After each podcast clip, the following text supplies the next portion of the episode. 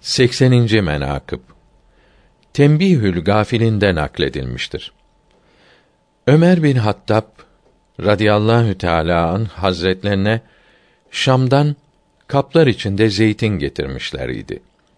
Ömer radıyallahu teala an hazretleri onu taksim ederdi. Oğlu önünde otururdu. Boş olan kaplara elini sürerdi. Eli yağlı olurdu.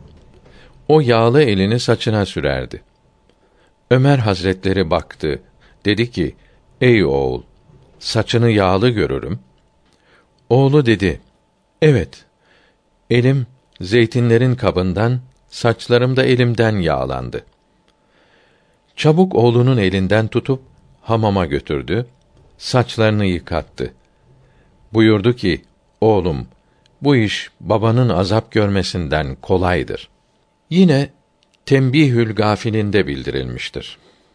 Bir gün bir kişi Ömer radıyallahu teala an hazretlerinin huzuruna hanımından şikayet etmeye gitti.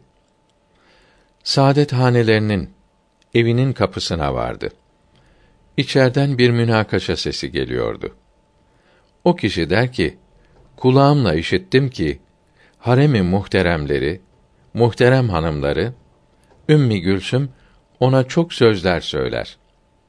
Hazret Ömer radıyallahu teala anh ona asla karşılık vermez. Susar ve dinler.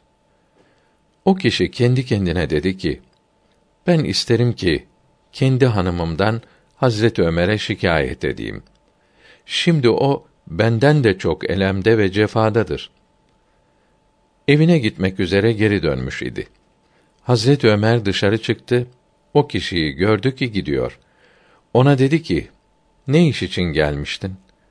O kişi: Ya emir el müminin, hanımımdan sana şikayet etmeye gelmiştim.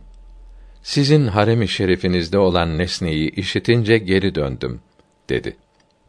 Hazret Ömer buyurdu ki, ben onu üzerimde olan şu haklardan dolayı affederim. Birincisi, benim ile cehennem arasında perdedir. Nefsim onun ile haramdan sakin olur. İkincisi evden dışarı giderim.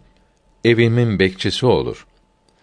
Üçüncüsü kassarımdır. Esvabımı yıkar. Dördüncüsü çocuklarımın bakıcısıdır. Beşincisi ekmeğimi yapar, yemeğimi pişirir. Onun bu hakları onu azarlamama manidir. O mert de dedi ki, doğru söyleyen kişiyi ve doğru giden kişiyi Allahü Teala sever. Benim hanımımın da bu hakları var. Onu rızam ile affettim.